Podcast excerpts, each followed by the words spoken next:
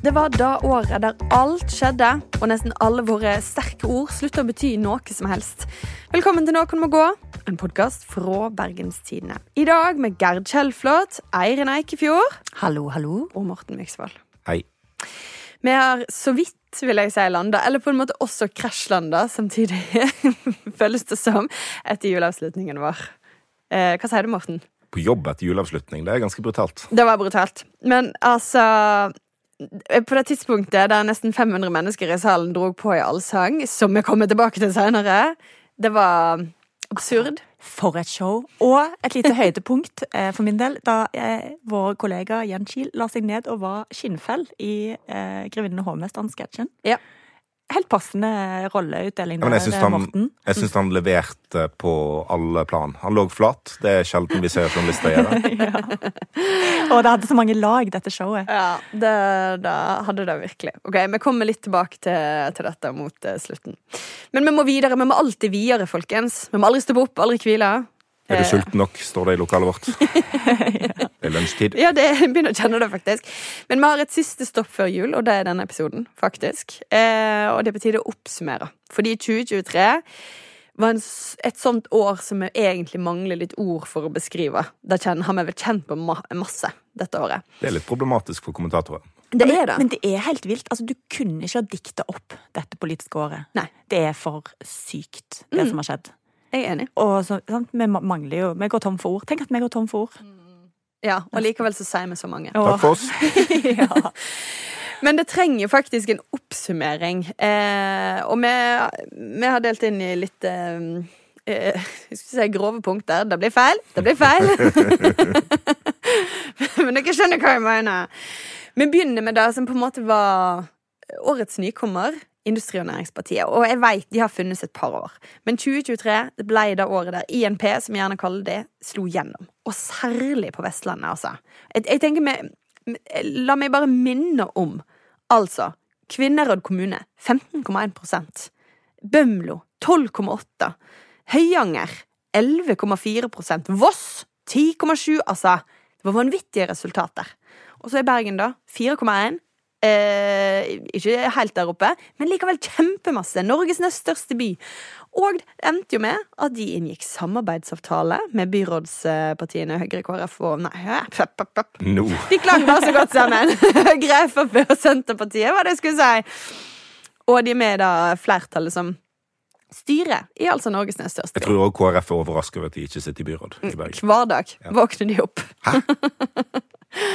Men hør da, dette her er jo en stor seier for Industri- og Næringspartiet, at de har kommet helt dit. Men det er jo òg vanskelig for de. De har nettopp nå inngått sitt første budsjettforlik her i Bergen.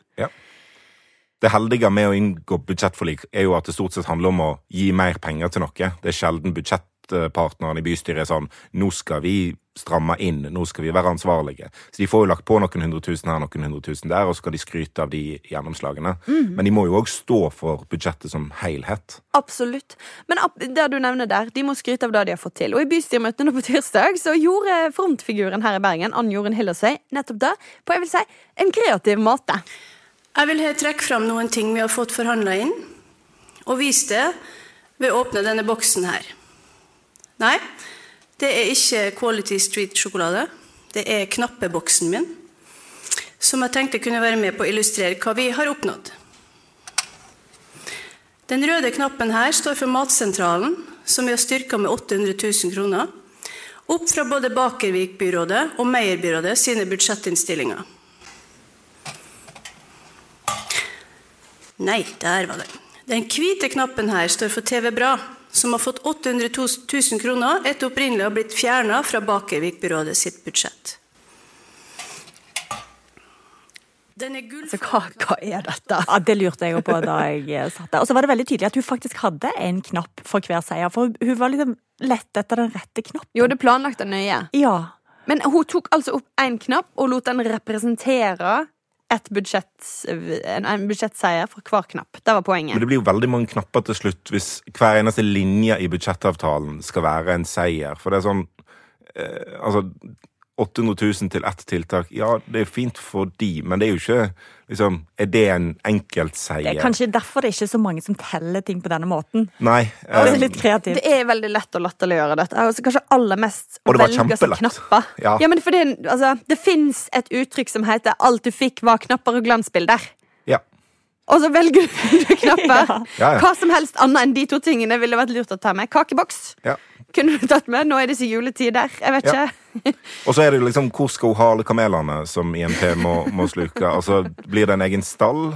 Altså, her er liksom ingen økning i sosialhjelpen denne gangen. Vi fikk én million til mat på sykehjem, og ikke 100 millioner som vi ville Men det er- ha. Altså, skjønner- det er hvor skal de kamelene stå? Ja, Det er nettopp derfor jeg vil forsvare at hun gjør dette her òg. Jeg skjønner veldig godt hvorfor hun gjør det. For de har bygd et parti altså, så, Partiet er bygd på eh, folk som er misfornøyd med at andre partier svelger kameler. Ja. Med at de inngår kompromiss. Ja. Og altså hun, hun har jo rett. De får jo gjennomslag ved å samarbeide. Men da må de også, som alle andre parti, eh, gi opp noe annet. Og Ja, de har sånn- veldig lett for i disse Facebook-gruppene. Da så henger de seg jo fort oppå eh, i de tingene de ikke får til. Ja, altså, til nå har de jo på en måte bare skrytt av de tingene de har fått til, og så er det jo spennende å se hvordan blir det om et år eller to. Tar de ansvar for alle de tingene som er upopulære med det byrådet kommer til å gjøre og allerede har gjort?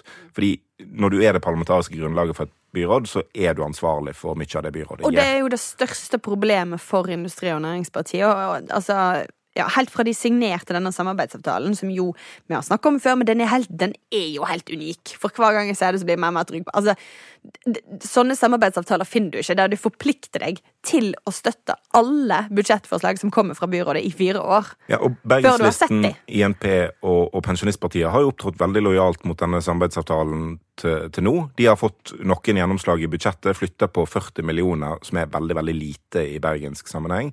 Eh, så de har opptrådt veldig lojalt. Eh, det er kjempebra at de gjør det, men det er jo òg en utfordring for protestparti å være veldig lojale mot et byråd. Fordi det medfører seg det ansvaret å stå for alt Altså, du mister jo egentlig kjernen i din identitet. Ja, Ja, for det Eh, blir jo et vanlig parti. er ikke det samme som lojalitet. Altså hvis, hvis MDG er lojal mot Arbeiderpartibyrådet, hvis Høyre er lojal mot Frp Dette er sånn parti pleier å oppføre seg. Være lojale mot eh, samarbeidspartnerne sine, eh, og så eh, får de kjeft av protestpartivelgere for at de har vært lojale. sant? Arbeiderpartiet var lojale med Venstre og KrF i flere år og snudde i Bybanesaken. Store problem i velgermassen fordi de var lojale. Og nå er INP og de andre støttepartiene òg lojale, som er en bra ting. Men det er ikke alle protestpartivelgere som liker det. Nei, så det blir, ja, ja. Dette er jo noe av det jeg er mest interessert i å følge med på framover. Rett og slett. 2024 kan bli et eh, spennende år for Industri- og Næringspartiet. Og det er jo eh, også så skjer det ting nasjonalt, fordi denne uka her så eh, skrev plutselig partilederen Ove Ingemann Waltersø at han tar pause fra politikken fram til mars. Mm.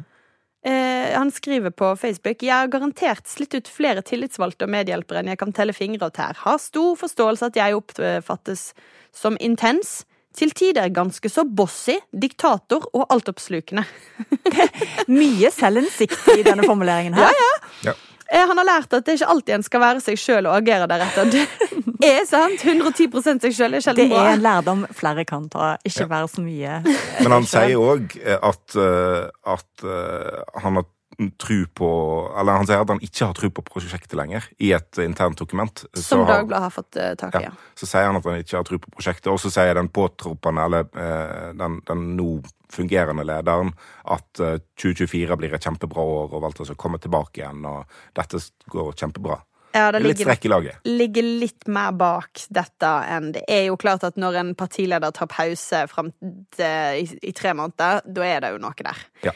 Ehm, og disse notatene, altså Jeg har mista troen på prosjektet, og at uh, det virker som det er personkonflikter. Det skal ha vært eh, enkelte personer i organisasjonen som eh, må bli fjerna, ifølge dette interne dokumentet. Det her er jo òg litt typisk for protestpartier. Ja, for det, det er jo det minst overraskende som skjer i 2023, at det som starta som et enmannsparti, som ofte har blitt omtalt som diktatorisk av både Walter seg sjøl nå, partimedlemmene hans eh, Altså, det har vært veldig sentralstyrt parti med klassisk protestpartipolitikk. At det utvikler seg til personstrid når partiet får oppslutning og kan få makt flere plasser, sånn som i Bergen, det er det minst overraskende noensinne. Du har samla masse folk som er misfornøyd Ja. på én plass. ja, hvordan skal det, det, det er jo helt sånn ulogisk i seg sjøl at de misfornøyde folkene skal klare å samle seg om en leder Over tid. over tid. Og Ja. to, for det er jo hele, ja, sant, det strider jo mot alt de egentlig er lagd av. Vi har sett dette skje i Bompengepartiet i Bergen, når eh, deres Trym fløy plutselig brått meldte seg ut. Eh, ja. Det må Det blir- finnes en del velgere der ute som i de siste valgene har stemt på Frp, Senterpartiet, bompengeliste og, uh, og Industri- og Næringspartiet. Absolutt. Uh, og, og liksom har den streaken da, der. De, de vil jeg snakke med. Enig. Ok, det, men Vi må bare vente og se hva som skjer. Men eh, 2023 ble jo òg året der bergenspolitikken virkelig, virkelig tok av eieren. Åh, her er det jo mye. Ja. Eh, virkelig. Men jeg tenker, vi bare starter med kanskje det viktigste stikkordet som har preget dette valget. Garantien. Og siste påstand nå. Bybanen skal gå over Bryggen. Mitt parti garanterer at det ikke blir omkamp. Oi! Det noterer vi ned og tar med oss til eh, neste bystyreperiode. Rune Bakevik, Kristine Meyer, tusen takk. Ja, her var det altså Kristine Meyer som var invitert til NRK sin valgsending. Det var Ingrid Stenvold som utbrøt dette. Oi! Og det skjedde jo når det mest ikoniske bildet fra valgkampen ble vist. Kristine Meyer holder opp en bordtennisracket med et grønt ja-skilt på. Og da var det jo selvfølgelig Bybanen skal gå over Bryggen. Det skal ikke bli omkamp. Og vi vet jo alle hvordan det gikk. Jepp. Ble omkamp, ja. Det ble omkamp, ja. Da blir det omkamp, da. Ja, nei, det Deretter hadde vi det gående. det ble gående. Og det har jo ikke alltid gått så veldig bra for Kristine Meyer. For det ble nærmest et sånt nytt jungelord i Bergen at når Kristine Meyer åpner munnen, så går det galt. For det gikk jo veldig Altså, det gikk jo bra veldig lenge. Helt til du begynte å snakke. You say it best when you say nothing at all, Ja. har jeg på et eller annet tidspunkt Og dette sa hun jo faktisk i et, et sånn legendarisk VG-intervju som vi har likt å snakke litt om i denne podkasten. Da hun ble tatt med på Fløyen med VG-journalist eh, Martin Lægland. Eh, og egentlig bare var ganske ærlig. Tømte hjertet. tømt. For eksempel så sa hun min analyse er at det gikk bra fram til vi ble tvunget til å ta, ta standpunkt i saker. Da mista vi velgere, følte jeg. Det følte jeg òg. Det følte vel med det er jo viktig. riktig. altså, Og 2011-valgkampen til Bergen Høyre, som jeg fulgte litt fra sånn halvveis innsida, for jeg drev og samarbeidet med de da, var jo, strategien da var jo å holde kjeft.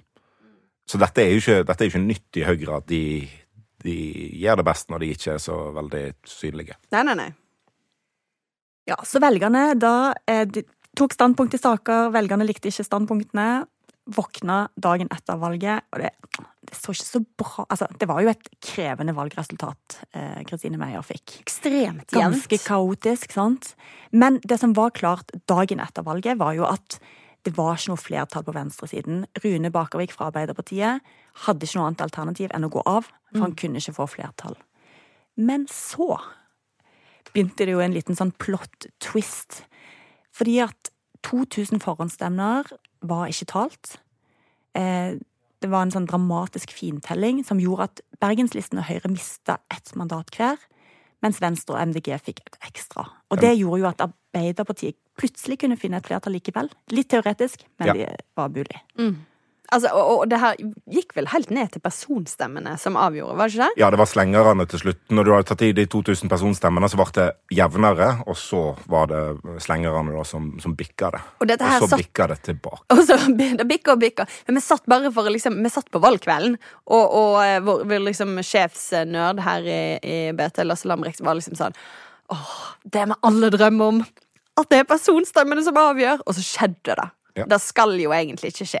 Årets, årets høydepunkt på meg var når jeg satt på videosamtale med Lasse og flere andre, eh, og vi skjønte ikke helt valgresultatet her, fordi noe hadde endra seg, men Valgdirektoratet sine tall viste at, mandat, eh, at stemmetallene ikke hadde flytta seg, og Lasse tilbakeregne i, i liksom motsatt rekkefølge for å finne fram til hvor mange personstemmer som hadde kommet, eh, og traff på eh, helt nøyaktig.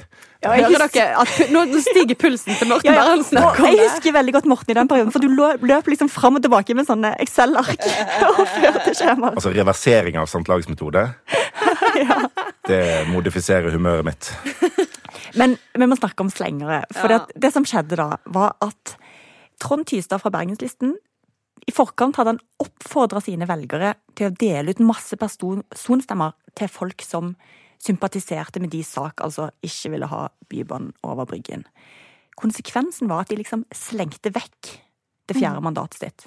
At de sendte så, altså, Du beskrev det som en sjokoladeplate, Morten. Vil du forklare hvordan det der slengersystemet virker? Oh, Helt, helt kort. Jo, jeg, kan, jeg husker Ja, hva altså, du du- sa. Ja, Det var et veldig godt bilde på hva som Ja, altså, egentlig du, har, skjedde du har ei hel sjokoladeplate.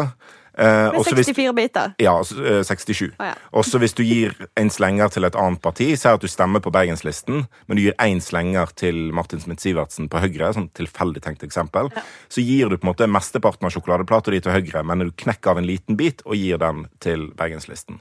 Og da skjedde Nei, til, eh, du, du, Ja. Mesteparten av sjokoladeplata går til Bergenslisten, en liten bit går til Høyre. Ja. Og så er det summen av alle bitene som blir valgresultatet.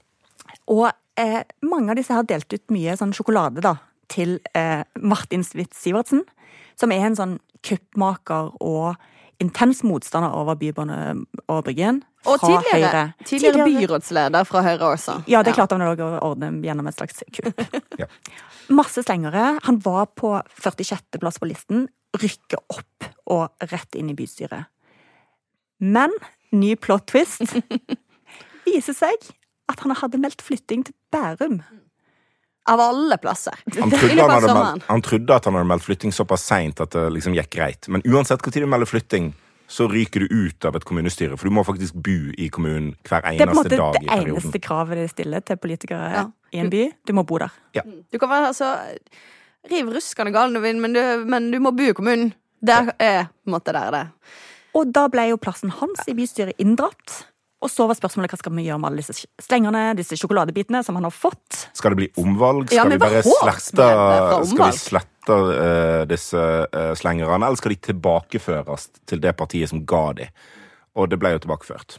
Ja. Og da flytta et mandat seg fra uh, Venstre til Bergenslisten. Men og sant, så skjedde det. Og maktbalansen i i bergenspolitikken helt annerledes plutselig. Ja. Ja. Og det var jo det som gjorde at Høyre ikke fikk flertall med sitt drømmebyråd, Venstre og KrF, pluss eh, Frp, Senterpartiet, Pensjonistpartiet.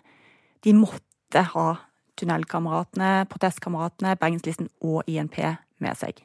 Og så sitter vi faktisk her fast i denne bybaneomkampen igjen. Altså, de kunne nok ha klart å få tak på et mindretallsbyråd med, med støtte i sentrum. Og så jeg mener jo at Kristine Meyer valgte å bryte øh, øh, den garantien sin, øh, fordi det var øh, alternativ der. Men det hadde basert seg på at eh, Høyre måtte være forberedt på å, å, å få støtte fra Arbeiderpartiet i løpet av perioden. Eh, og det å få støtte fra Arbeiderpartiet var mindre viktig enn å bryte sin egen garanti. Eller, ja. Ja, altså I et sånt kontrafaktisk virkelighet der folk hadde spilt kortene sine annerledes, vært litt mer tålmodige, vært litt mer snakket litt mer sammen, så kunne man sett for seg en annen situasjon. Ja. Men nå er vi der vi er. Nå er vi der med det. 2023 skulle bli det året der Bergen gikk videre fra bybanesaken. Nei, Gjorde ikke det, vet du. det gjorde vi ikke. Ikke videre. Ikke helt det hele Og, tatt. altså, en går jo ikke bare ikke videre, en står jo fullstendig fast. Men det er jo en annen historie, for det handler jo først og fremst om habilitetsrot, og som har oppstått nå i ettertid, som vi ikke trenger å gå ned i detalj på, for det har vi gjort i tidligere episoder. Men, men, de, men summen av det er at de får ikke gjort noe akkurat nå. Nei da, det skulle bli veldig bra å bli utbygger i Bergen, og nå er det bra å være habilitetsjurist. Men det er jo, det er jo folk som er det. Altså, jeg tror når vi gikk inn i 2023, ikke mange som visste hva inhabilitet betydde. Det har gått opp for hele folket. Det er ikke en sjel. Nei, det, er ikke frem. det gikk rett fra fremmedordboken og inn i dagligtalen. Jeg er usikker på om det er veldig mange i Bergen Høyre som fortsatt skjønner hva inhabilitet er for noe. For da hadde en kanskje. Da hadde de kanskje ryddet opp på et eller annet tidspunkt. Men det er ikke bottom line at det skal bli godt med juleferie for alle i bergenspolitikken akkurat nå. Det skal jo det. Det blir det, ikke bedre. nei, det blir jo et år til neste år òg. Altså, kalenderen er en sosial konstruksjon. Kaoset oppstår ikke og avsluttes ikke ved nyttår. Ja. Så det blir, sikkert, det blir jo sikkert noen avganger på nyår òg. Men de har vi hatt ganske mange av i 2023, og det er verdt å, å se litt tilbake igjen på eh, alt som har skjedd av Noen må gå-faglig materiale. Fordi Audun Lysbakken han gikk frivillig av som SV-leder. Men det er en avgang. Vi, vi tar den. den. Ja, vi tar den. Anette Trettebergstuen gikk ikke frivillig av som som denne tjenesteminister. Eh, Bjørnar Moxnes var tatt for tjuveri, tyveri, gikk av etter hvert. Ola Borten Moe handla våpenaksjer, gikk av kjempefort. Anniken Huitfeldt hadde en aksjemann. Eh, hun gikk av veldig seint.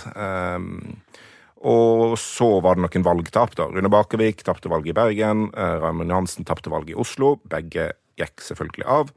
Bjørnar Skjæran gikk av som statsråd, og så som Ap-nestleder. Sigbjørn Gjelsvik og Martin Mjøs Persen ble bytta ut som statsråder. Martin Smith-Sivertsen måtte gå av som bystyrerepresentant før han eh, hadde rukket å tatt imot plassen. Eh, Bransen Gudbrandsen gikk av som BT-redaktør. Altså, og dette er jo bare liksom top of your head. Ja, ja. ja. Det, vi kunne sikkert gjort research eh, på dette segmentet. her. Eh, men det er liksom fullt av eh, avganger. da. Og så er det altså Tonje Brenna Erna Solberg var under veldig sterkt press eh, i 2023. Eh, mange mener eh, at de òg burde stått på avgangslista. så, så det har vært et begivenhetsrikt år, da. Ja, for Det som er fascinerende her, er jo hvor mange forskjellige grunner til at folk har gått av, som er på denne listen her. Eh, du har vel nå, Tok du i det hele tatt med Marte Mjøs Persen? Ja. Og, ja, Ja. Mm, ja fordi, sant? Altså det, men det er utrolig mange varianter. Så det er liksom noen naturlig avgang, noen omrokeringer i regjeringsapparatet, eh, men veldig mye aksjehandler og habilitet, da. Men aldri har tittelen på denne podkasten vært mer aktuell. Nei, da kan vi si. Følte vi traff på overskrift. Mange må gå. Takk og lov, alle må gå. Ja. Det er vel det neste. Men altså eh, det, det, det, Dette med aksjer og, og inhabilitet og sånn er jo på en måte Det er de store politiske nyvinningene Ja. i år, er det ikke? Jo, altså det å være uvitende inhabil er jo liksom årets beste begrep, der Anniken Huitfeldt sa at hun hadde blitt inhabil i noen sak uten å vite det, Ja. fordi mannen hadde kjøpt aksjer eh, som påvirka hennes rolle som utenriksminister. Det samme påberopte jo Erna Solberg seg etter at Sindre Finnes, ektemannen hennes, hadde kjøpt aksjer og gjort henne inhabil i uh, opptil flere saker. Det her er sånn uh, jussifisering, for det er sånn her å ta inn sånn uaktsomhet i, i på en måte det som egentlig handler om tillit. Ja. Whoops, jeg brøt tilliten, men helt uaktsomt. Ja. Og da skaper hun igjen en presedens som Erna Solberg da bare kan fortsette på. Så Ja, ja. der har vi det. Ja, for hva er liksom presi- For det, det at Erna Solberg ikke går av, det er jo lagt en ny standard for å ta ansvar ved å bli sittende. Som var et sånt Eh, begrep som ble oppfunnet etter 22. juli. Ja. Ingen må gå. Nei. Ja, det, å, tenk hvis det er neste Så lenge du føler det inni deg at du har tillit, så kan du bli sittende. Um, Ja. Så det er jo mulig. Men sånn sett, aksjehandelssaken er jo, den var jo spektakulær, men samtidig en naturlig arvtaker til pendlerboligsaker, reiseregningssaker. Altså, det har vært mye i de, det landskapet der, da. Absolutt. Men eh, ja, tok det jo på en måte til et, eh, et nytt nivå.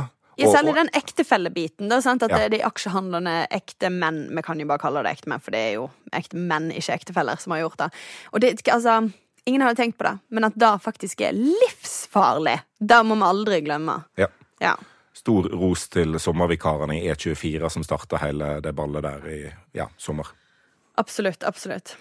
Vi må jo kort innom Emilie Enger Mehl, da, fordi hun kan jo starte 2024 med eh, en avgang. Hun er jo under mer press nå enn det hun noensinne har vært som justisminister etter at eh, det ble avslørt at Norsk tryggingsorgan, NSM, eh, har tatt opp et ulovlig lån på hennes eh, vakt. Fra Jon Fredriksen. Jeg synes vi bare liksom alltid må nevne det. For det er sånn ekstra, liksom eh, Ja.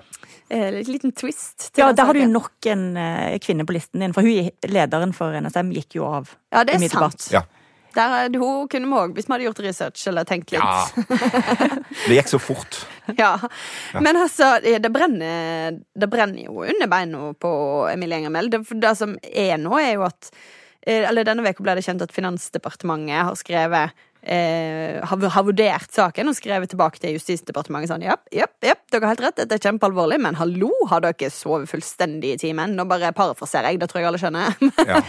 Altså Hvis Jeg tror de Justisdepartementet sender litt mer formelle brev Hallo? mellom Hvis Justisdepartementet hadde liksom fulgt opp etatene sine, eh, så kunne de kanskje avverga dette her. Ja, for de, kunne, de nevner for eksempel sånn Det har jo vært en del låneutgifter her, burde dere kanskje sett de? Altså, ja. Ja. Og så liker jeg jo at hun, eh, NSM-sjefen som går, gjør det liksom Hun smeller jo døren igjen etter seg. Hun, hun har jo ingenting å tape på å si OK, men hallo, eh, vi har jo sagt fra om dette, Justisdepartementet har visst det. De Ja. har òg tatt opp noe lån, skal det plutselig ikke være greit nå? Mm. så hun pirker jo litt i hele materien. Og Egentlig veldig nødvendig. Det er jo en plikt å smelle med døren når du går ut for å avkle eh, sånne påstander som kommer. Sant? Fordi altså, dette kunne vært over med den pressekonferansen til Emilie Enger Mehl. NSM har gjort noe galt, vi visste ingenting, og så har Justisdepartementet visst. Og Det er jo det som blir sentralt på nyåret. Jeg er ikke der at jeg mener at Emilie Enger Mehl må gå av pga. denne saken. Jeg mener at hun må gå av pga. 99 andre ting. Eh, Men NSM-saken er ikke der ennå, fordi Stortinget må finne at hun har gjort noe galt, ikke fulgt opp på en god nok måte, vært uvitende ikke oppfølgende for sine etater. Et eller annet. Stortinget krever ofte en litt sånn tettere kobling til en statsråd for at eh, en feil i en etat, en grunnlovsbrudd i en etat, skal få konsekvenser for statsråden. Eh, og det kan jo godt hende at det kommer. Det er i hvert fall flere partier på Stortinget som kritiserer Mehl og sier at hun ikke har hatt kontroll.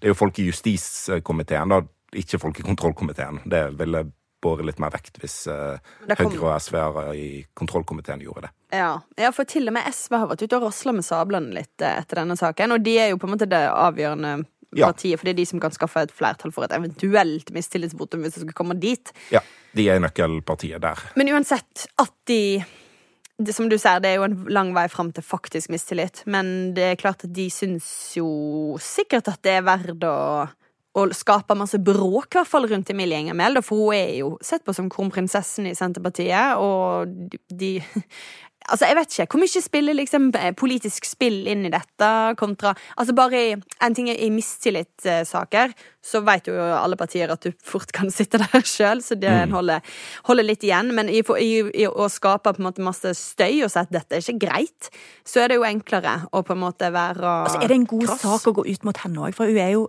ekstremt populær, viser jo målinger Mm. i folket. Hun er ganske Altså, hun er jo en eh, politiker som får mye oppmerksomhet. Så hvis du går i polemikk og kritiserer Emilie Enger Mehl, så får du òg oppmerksomhet. Så mange vil nok melke den muligheten til å liksom få lov til å skinne og få lov til å være den som liksom hamrer løs. Men det er derfor jeg prøver å lage et skille mellom hva som skjer i justiskomiteen, og hva Ja. folkene derfra sier, og hva som skjer i kontrollkomiteen. For i kontrollkomiteen tror jeg det er veldig lite politisk spill eh, i eh, en sånn sak som dette.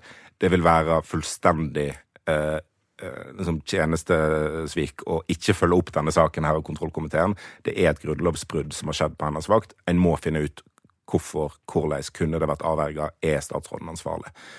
Og det leder jo meg liksom videre til en, spørsmål om altså, kan Høyre be Emilie Enger Mehl gå fordi hun ikke har gjort nok eh, for å skaffe seg kunnskap om feil som skjer på hennes vakt? Toppen av hykleri. Når Erna Toppen! Solberg ikke har gjort nok for å skaffe seg informasjon om feil som har skjedd på hennes vakt? Og svaret på det er jo ja. Altså, Høyre har fortsatt et ansvar, selv om de opptrer uansvarlig eh, i egen organisasjon. For at Erna Solberg-standarden kan jo virkelig ikke bli lagt til grunn for fremtiden. For da er det jo ingen som noensinne kommer til å gå av igjen. Nå snakker du av egeninteresse, journalistisk egeninteresse. Det er jo ingenting for oss, vi vil jo gjerne Nei, men altså, hvis det skal være nivået på liksom, Når man ikke går av, så er det jo Kan man bare legge ned. Ja. Så, så de, må jo, de må jo stille ganske sterke krav som de ikke stiller til seg sjøl. Så får vi heller påklage hykleriet. Ja, det må vi, og det kommer vi til å gjøre. Ingen fare. Ja. Nei, men da, da har vi på en måte mm, eh, tatt i veldig sånn eh, Hva heter det? Store sveip. Ja. Dette var 2023. Ja. Og også eh, lagt inn noen potensielt spennende ting for 2024. For det må jo, det må jo bli litt gøy da òg. Toget går. Været skal gå. Går. Men um, OK. Vi skal Juleferien nærmer seg så, så masse her nå, men vi, altså, vi har jo egentlig vår faste spalte over Vestland. I, I dag tar vi en litt annen vri. Eller hvis vi skal opp Og Vestland, Vestland. ja, det er det faktisk vi gjør i dag. Um, apropos store begivenheter. Uh, nå kan vi gå til juleshow igjen. Var en stor begivenhet, uh, vil vi si. Det er jo sånn at em, noen ganger har vi lagt ut eh, opptak av, eh, av eh, disse livene våre. Denne gangen kommer vi ikke til å gjøre det. Beklager, folkens. Men det var, det var en opplevelse, men you had to be there.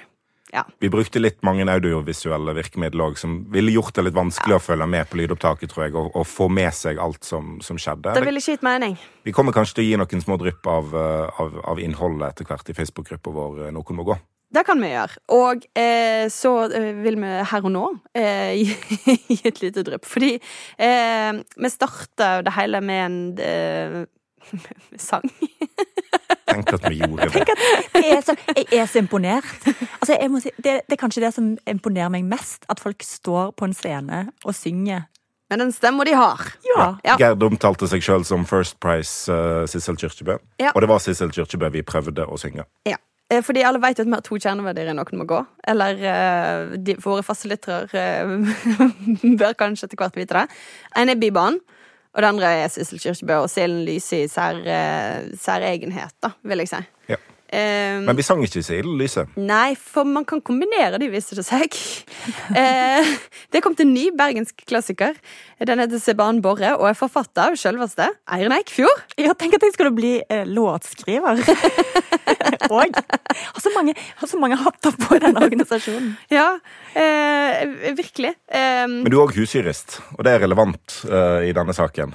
Ja, Det er faktisk litt relevant, fordi at når man skal, legge, man skal ta noen andre sin sang og liksom eh, fremføre den, så følger det ofte med litt sånn rettigheter og avgifter og litt sånn kompliserte ting. Og dette er jo grunnen til at jeg ikke er ekte jurist, sant? for det er jo jækla stress å forholde seg til sånne ting. Ja, for du er på en måte husjurist med aversjon mot masse jobb. Ja. og skjemaer og eh, sånt. Det er jo eh, det er en grunn til at jeg havner i mediebransjen. De er bare liksom Ja, ja, ja, er skriver dere her. Ja. Snakke litt inn i mikrofonen. Ja, så siden jeg ikke orker noe søksmål eh, på dette her, Nei. så får vi bare deklamere. Ja, Vi kan ikke synge uh, Sine Lyse. Vi kan ikke gi dere Så det er veldig mange grunner til at jeg ikke kan synge her. Vi beviste på tirsdag at vi ikke kan synge eh, denne sangen. Men vi kan gi dere teksten, fordi det, vi syns jo på en måte at den det er en, det, Apropos oppsummering. Her har dere eh, på en måte bybanestriden oppsummert i sangversjon, eller deklameringsversjon, da. Ja. Så vil jeg at alle eh, bare tenker på å Se ilden lyse. Ja, de kan Dette er en gjerne sang sette den på i har den inni hodet sitt. Ja. Kommer i rett stemning. Jeg kan, jeg kan sette ton. Gjør det. Dam, da, da, dam, da, da, da, da, da, da. Utløste det avgift? Nei! Gå mot den striden som flammer i nord. Gå til den byen hvor kranglene bor. Der hvor ingen er venn. Med Bybanen. Gå mot den striden du vet du kan få. Drit i traseen kun drømmen kan nå. Velg den bratteste vei. Ta buss med meg. Gi meg krangling når vi er sammen, utred igjen, så vi går oss vill. Hvis jeg nøler, gir du meg harme, i din omkamp hører jeg til. Se banen bore under jord. For bryggen er en stjerne, fager og stor. Som en avgud der, mot høyres blå, svever den striden vi lever på. Kan noen tenne en flamme for fred? Finn et parti du kan dele den med. Kanskje kunne du gi en garanti. Nei, gi meg krangling når vi er sammen, utred igjen så vi går oss vill. Hvis jeg nøler, gir du meg harme, i din omkamp hører jeg til. Se banen bore under jord, for bryggen er en stjerne, fager og stor. Som en avgud der, mot høyres blå, svever den striden vi lever på.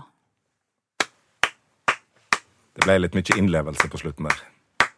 Ja, altså, jeg sitter her og jeg, jeg hører lett denne tonen etter å ha eh, øvd og hørt på, på denne melodien i flere uker. Ja, for. Gerd har jo kommet på jobb og sittet på Bybanen og øvd på denne sangen. Eh, Så det er på en måte Det- den daglige rutinen eh, Gerd har vært gjennom de siste ukene. Jeg har sittet og sunget inni meg, men det er mulig at folk har sett hvis de har tatt Bybanen med meg, at jeg har sittet og liksom nikka litt sånn mm, Der man skal ta sånn skikkelig på. Jeg tror ingen har gjetta hva du faktisk hørte på. Det er litt sånn som 2023. Ingen kunne se dette komme.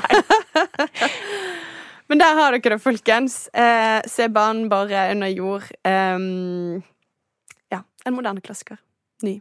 i Bergen. Er det noen som må gå nå? Med? Alle andre har jo gått, så det er vel på tide at vi òg går eh, på juleferie. Absolutt. Eh, vi er tilbake torsdag 4. januar, folkens. Rett og slett. Vi tar oss en velfortjent juleferie med. Eh, da er vi uthvilte, kjekke, klare, kvikke og raske og Klar for nye avganger i 2024. Absolutt. Veldig mange lovnader her nå. Ja, ja, ja, ja. Er det en Det er en garanti. Ok, Vi snakkes kanskje i 2024. Innspill og tilbakemeldinger de sender dere til nmg.krøllalfabet.no eller i Facebook-gruppa vår Noen må gå. Intromusikken var bergensere Bjørn Torske. Produsent er Henrik Svanevik. Tusen takk for at dere hører på, og god jul, folkens! God jul. God jul.